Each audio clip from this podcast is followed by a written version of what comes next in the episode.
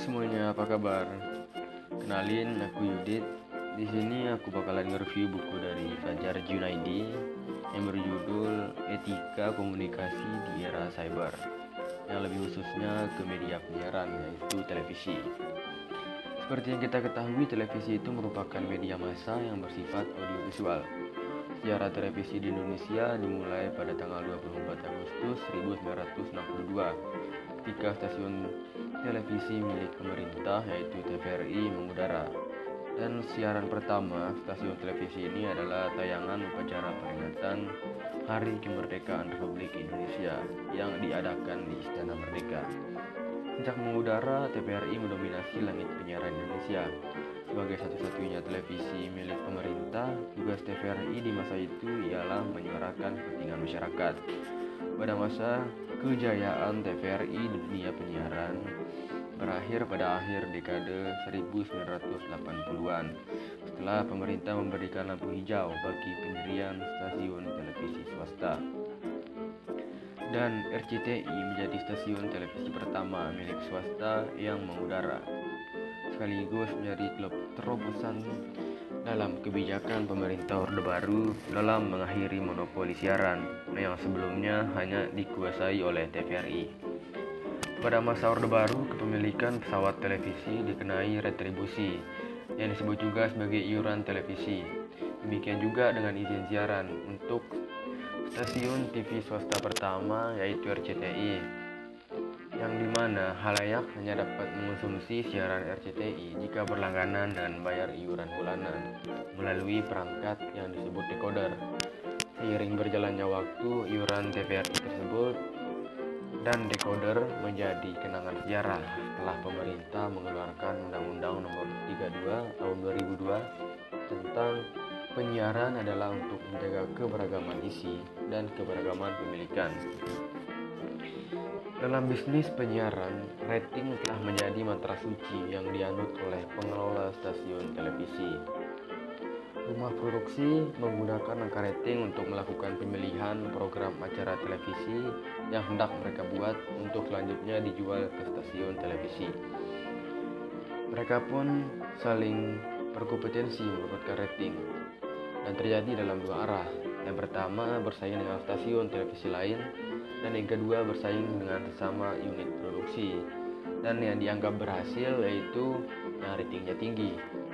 Hal ini berakibat fatal dikarenakan program yang memiliki kreativitas tinggi belum tentu akan laku terjual. Ini menyebabkan stasiun TV stasiun televisi lain menciptakan cloning program. Cloning program merupakan acara sejenis namun dengan nama yang berbeda. Contohnya seperti Akademi Fantasi Indonesia atau AFI yang populer di awal tahun 2000-an. Stasiun TV lain segera membuat program sejenis seperti RCTI yang memproduksi Indonesian Idol. Dan ada beberapa program lainnya. Selanjutnya bermuncullah stasiun televisi yang setelah reformasi ada yang mengudara di tingkat nasional maupun lokal seperti Trans TV, La TV yang kemudian berubah nama menjadi TV One, ada Metro TV dan stasiun TV lainnya.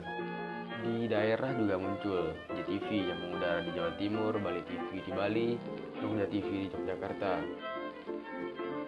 Secara umum, stasiun televisi yang mengudara terpol terpola dalam konglomerasi media.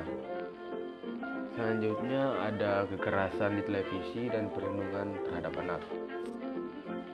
Persoalan etika yang mengemuka dalam program tayangan televisi adalah kekerasan yang dianggap memiliki pengaruh kuat terhadap penontonnya, terutama anak-anak. Sebagai bukti nyata adalah terjadinya kekerasan yang dilakukan anak-anak setelah mereka terpapar tayangan Smackdown, yaitu sebuah tayangan gulat bebas yang berasal dari Amerika. Dan di tahun 2006, masyarakat dikejutkan dengan meninggalnya beberapa anak yang berusia di bawah umur dikarenakan menirukan tayangan Smackdown. Dan ini membuktikan bahwa tayangan televisi dapat memberikan pengaruh buruk bagi pemirsanya. Dalam standar program siaran, perlindungan kepada anak dinyatakan pada pasal 15 yang menyebutkan sebagai berikut. sini saya akan menyebutkan beberapa saja. Pertama, ada program siaran wajib memperhatikan dan melindungi kepentingan anak-anak atau remaja. Selanjutnya ada program siaran yang berisi muatan asusila dan informasi tentang dugaan tindak pidana asusila dilarang menampilkan anak-anak dan remaja.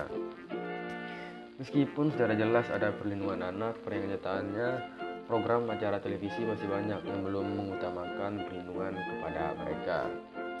Ini membuktikan bahwa stasiun televisi masih mengutamakan kepentingan rating dan menjual kekerasan kepada publik dengan etis yang minimalis. Selanjutnya ada pornografi dan eksploitasi seks. Persoalan seks yang mengarah pada pornografi mendapat perhatian cukup banyak, seperti yang dijelaskan dalam Undang-Undang Nomor 32 tentang penyiaran serta pedoman perilaku penyiaran dan standar program siaran. Dalam pasal 48 ayat 4 dijelaskan bahwa pedoman perilaku penyiaran menentukan standar siaran yang sekurang-kurangnya berkaitan dengan pembatasan adegan seks, kekerasan dan sadisme. Selanjutnya ada pasal 15 yang menyebutkan bahwa lembaga penyiaran wajib memperhatikan dan melindungi hak dan kepentingan orang atau kelompok dengan orientasi seks dan identitas gender tertentu. Adegan seksual adalah gambar atau rangkaian gambar atau suara yang berkaitan dengan seks atau ketelanjangan. Selanjutnya ada pasal 18 yaitu standar program siaran yang disebutkan kriteria kriteria adegan seksual yang dilarang. Saya akan menyebutkan beberapa saja. Yang pertama adalah menayangkan ketelanjangan dan menampakkan alat kelamin. Selanjutnya adalah menampilkan gerakan tubuh atau tarian erotis. Dan yang terakhir adalah menampilkan kata-kata cabul.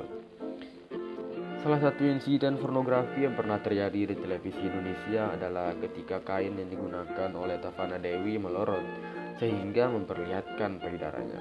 Adegan ini terjadi dalam program variety show Ketawa ala Trans TV.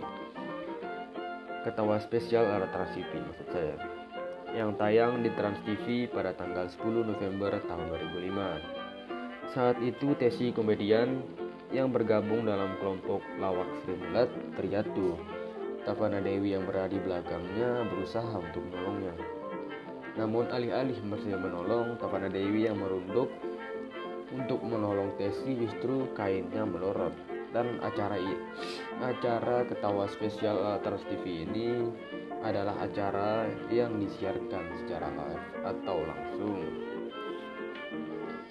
Selanjutnya ada pasal 19 bahwa siaran dilarang memuat pembenaran hubungan seks di luar nikah.